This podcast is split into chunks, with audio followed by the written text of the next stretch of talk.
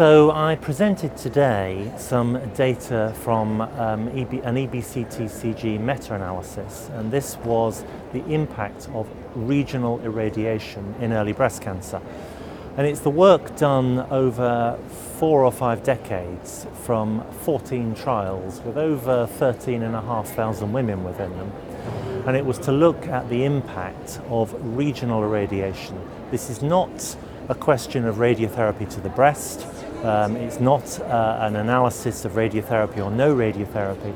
We're specifically looking at the impact of regional irradiation um, to the supraclavicular region, the internal mammary region, or the axilla. And the treatment of the breast, whether that's a mastectomy or breast conservation, including the use of radiotherapy, is the same between the two study arms. Um, and we, we found 14 trials within EBCTCG and we divided them into two groups.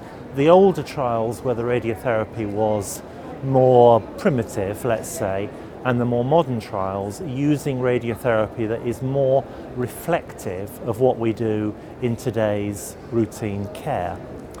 And we found that in the older trials, uh, the, the treatment was actually harmful to some degree. There was an increased risk of mortality and an increased number of deaths in those patients who had regional irradiation. Um, and that meant that overall the treatment was harmful.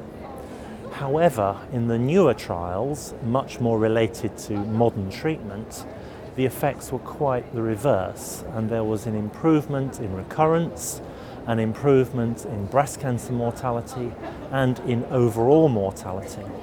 And there was no increase in breast cancer mortality in these more modern trials. It was the case that the benefit of this treatment was particularly high in patients who have extensive axillary nodal involvement.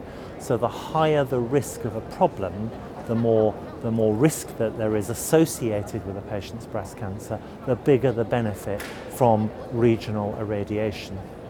Now, one of the difficulties is to take this result, which still comes from trials that were started 15 years ago, and try to decide what to do in modern practice and particularly uh, with the increased use of systemic treatment, of HER2 targeting treatments, of better endocrine therapy, and also now we're using much more neoadjuvant chemotherapy and neoadjuvant endocrine therapy.